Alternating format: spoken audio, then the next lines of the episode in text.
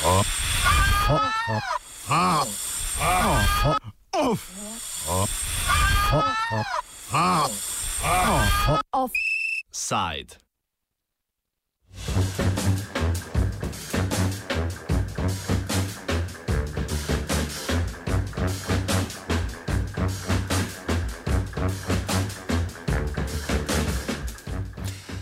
Torek 12. decembra je nov mandat začel državni svet. Za predsednika so svetniki izvolili Alojza Kovšco, predsednika območne obrtne podjetniške zbornice Ljubljana Bežigrad. Kovšca je kot prioriteti svojega mandata izpostavil približevanje državnega sveta voljivcem in boljše sodelovanje z državnim zborom. V ta namen želi spremeniti način sodelovanja državnega sveta v zakonodajnem postopku. Od 40 članov drugega doma slovenskega parlamenta jih je v torek priseglo le 39, se, se je zapletlo pri izvolitvi setnika za področje kulture in športa.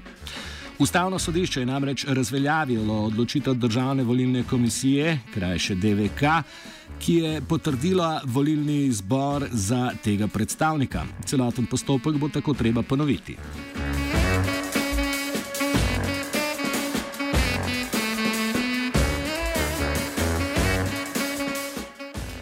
Na letošnjih volitvah državnega sveta je težava nastala pri določanju števila elektorjev, ki volijo predstavnika za področje kulture in športa. Volitve v državni svet so posredne. 22 predstavnikov lokalnih skupnosti in 18 predstavnikov interesnih skupin volijo volilni zbori, ki jih sestavljajo elektorji. Postopek volitev v državni svet pojasni Dušan Vučko, predsednik DVK. Se je zakonodajalec leta 1992 odločil, da gre za posredne volitve, torej gre za volitve predstavnikov oziroma članov državnega sveta, predstavnika lokalnih interesov in pa funkcionalnih interesov. Govorimo o predstavnike delodajalcev, delojemalcev, različnih poklicnih skupin eh, na področju sociale, vzgoje, izobraževanja in da ne naštevam ostalo.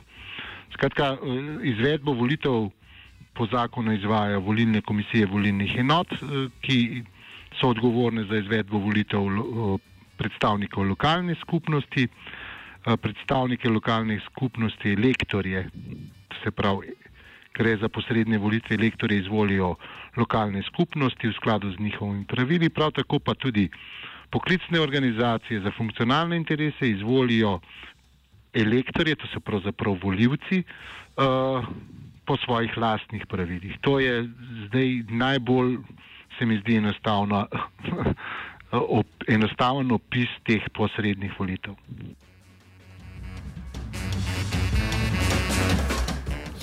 Vsaka interesna skupina v državnem svetu ima z zakonom določeno število svetnikov. Znotraj vsake interesne skupine pa se število elektorjev, ki pripadajo posamezni organizaciji, določa na podlagi števila članov. Razmerje med številom elektorjev kulturnih in športnih organizacij za volitve predstavnika kulture in športa je tako odvisno od razmerja članov v teh organizacijah, pojasni Vučko.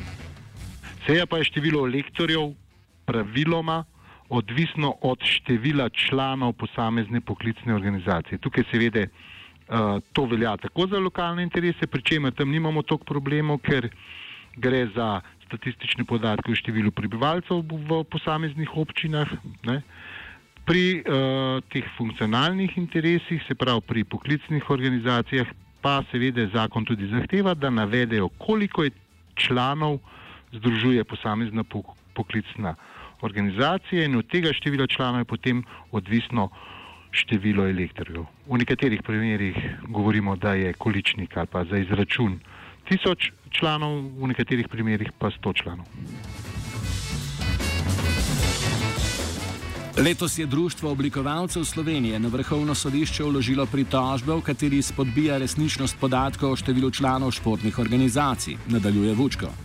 V enem konkretnem postopku je Društvo oblikovalcev Slovenije pač uh, na vrhovnem sodišču v skladu z zakonom, v rokih, ki so za to predvideni, dalo pritožbo na uh,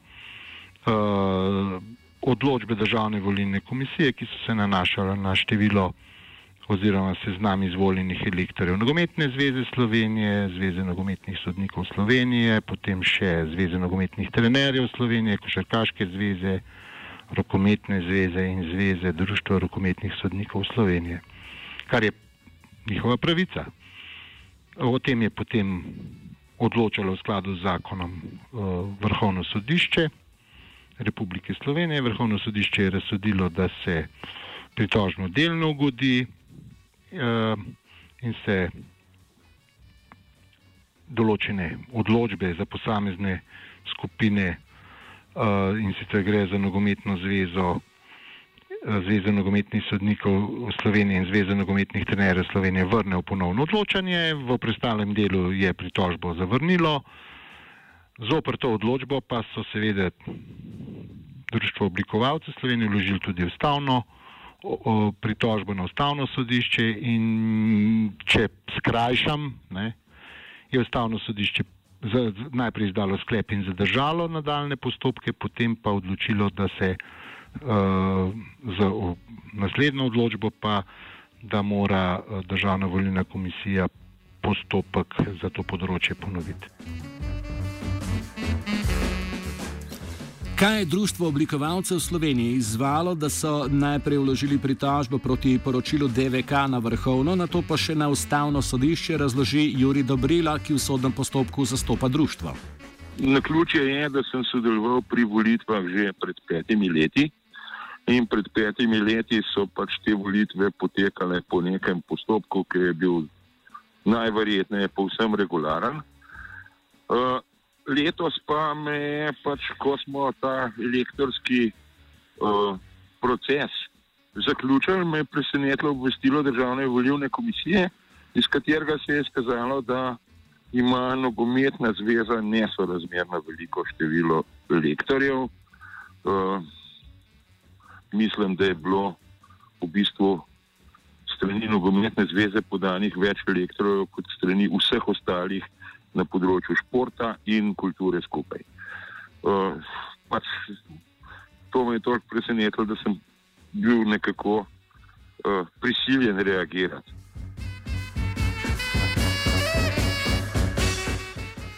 V ustavni pritožbi tako Društvo oblikovalcev trdi, da Nogometna zveza Slovenije ali NZS nima dovolj poklicnih nogometašov, da bi lahko imela 74 elektorjev. To bi namreč zahtevalo članstvo več kot 7300 ljudi. Pri tem se sklicuje na uradno evidenco Olimpijskega komiteja Slovenije. Po podatkih spletne strani NZS se z nogometom neamatersko sicer ukvarja manj kot 400 ljudi. Zato je po mnenju društva oblikovalcev sporna že sama legitimnost športnih organizacij. Dobrila. Gre v principu za amaterske organizacije in znotraj teh se s poklicno dejavnostjo ukvarja bistveno manjše število oseb od števila članov organizacij.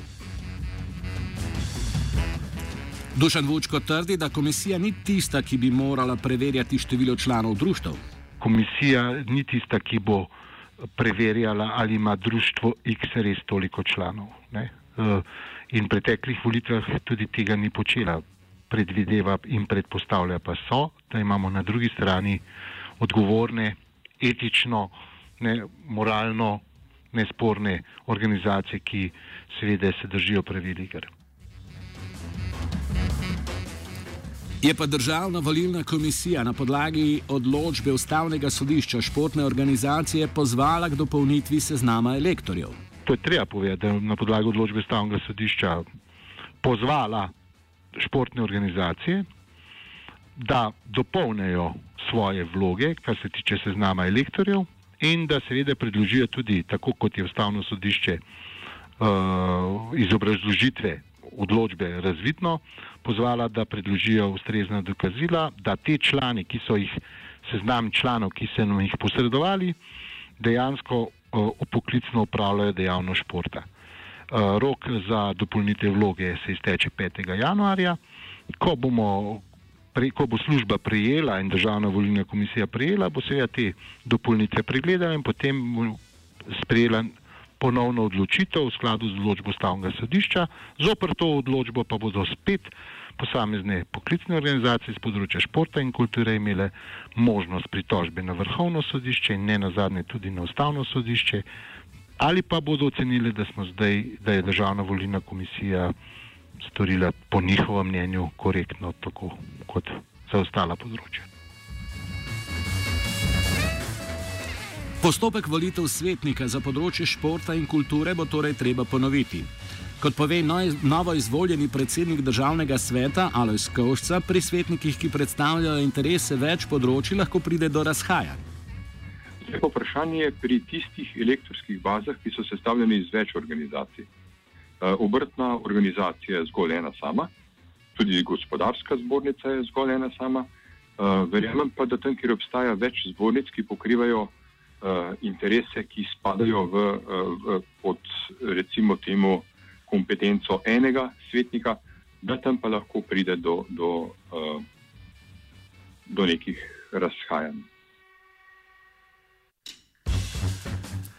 Ne glede na to, da eden od svetnikov še ni bil izvoljen, bo državni svet začel z delom. Kot eno glavnih prioritet svojega mandata Kovšca izpostavlja boljše sodelovanje z državnim zborom. Ena izmed močnejših pristojnosti v rokah državnega sveta je pravica do odložilnega veta na predlagane zakone. Po trenutni ureditvi državni svet lahko vloži veto na predlagani zakon v celoti. Košca predlaga, da bi se pravica veta spremenila tako, da bi državni svet veto lahko vlagal le na posamezne člene zakona. Te bi moral državni zbor ponovno obravnavati in spremeniti. No, trenutno državni svet lahko poda veto na nek zakon, ta odložilni veto ima za edino posledico, da državni zbor še enkrat odloča o tem zakonu in za kvalificirano večino lahko odločitev državnega sveta povozi in zakon gre v veljavo točno tako, kot je bil sprejet in na kakršnega je bil podan veto. Um, ta rešitev nekako ni življenska in ne ustreza ne državnemu svetu, ne državnemu zboru. Eh, skozi zadnja leta, skozi sodelovanje in nekako vzpostavitev medsebojnega zaupanja, eh, smo se pričeli dogovarjati, da bi državni svet pravzaprav ne ustavljal celega zakona, ampak bi ustavljal zgolj posamezne člene in potem bi državni zbor eh, pri ponovnem odločanju moral te člene še enkrat odpirati in obravnavati. To pomeni neko, recimo temu, resno vrednost veta. Sej nekako ni namen državnega sveta, da bi nagajal, ampak je namen, da bi po našem mnenju neustrezno zakonodajo spremenili. Poleg tega si Košca kot prioriteto zastavlja približanje državnega sveta državljanom in spremembo percepcije, da ta organ zgolj nagaja državnemu zboru. Meni, da je državni svet stičišče civilne družbe in strokovnih interesov, zato ima edinstveno priložnost, da predloge državljanov pošlje na mizo državnega zbora. Res je predvsem to, da se državni svet približa svojim voljivcem. V dosedanjem delu državnega sveta smo ugotovili eno izmed večjih pomankljivosti, to, da ljudje pravzaprav niti ne poznajo državnega sveta, še manj državne svetnike in še manj vlogo državnega sveta. V preteklosti se je večkrat eh, nekako tako izoblikovalo javno mnenje, da je državni svet neka nepotrebna inštitucija, ki zgolj nagaja državnemu zboru. To pa predvsem zaradi tega, ker se ljudem ni bila prezentirana vsebina dela državnega sveta. Mi trdimo, da ta uh, institucionalni element demokracije uh, služi kot neko stičišče legitimnih parcialnih interesov, to se pravi stičišče civilne družbe, stroke, z institucionalno politiko. In uh, to zadevno bi radi ljudem predstavili, da v državnem svetu lahko različne družbene skupine artikulirajo svoje mnenja, potrebe, probleme in potem ti problemi romajo na mizo poslancev državnega zbora v obliki zakonodajnih predlogov, ki jih pripravimo v državnem svetu. Torej, prvo težišče delovanja je približati državni svet zavesti ljudi, čemu obstaja in kakšne so možnosti, da svoje interese uveljavljajo skozi državni svet. V nedavno izvedeni anketi dela 40 odstotkov vprašanih meni, da ima državni svet nepomembno ali zelo nepomembno vlogo v slovenski ustavno-pravni ureditvi. 47 odstotkov pa jih meni, da bi ga bilo treba ukiniti.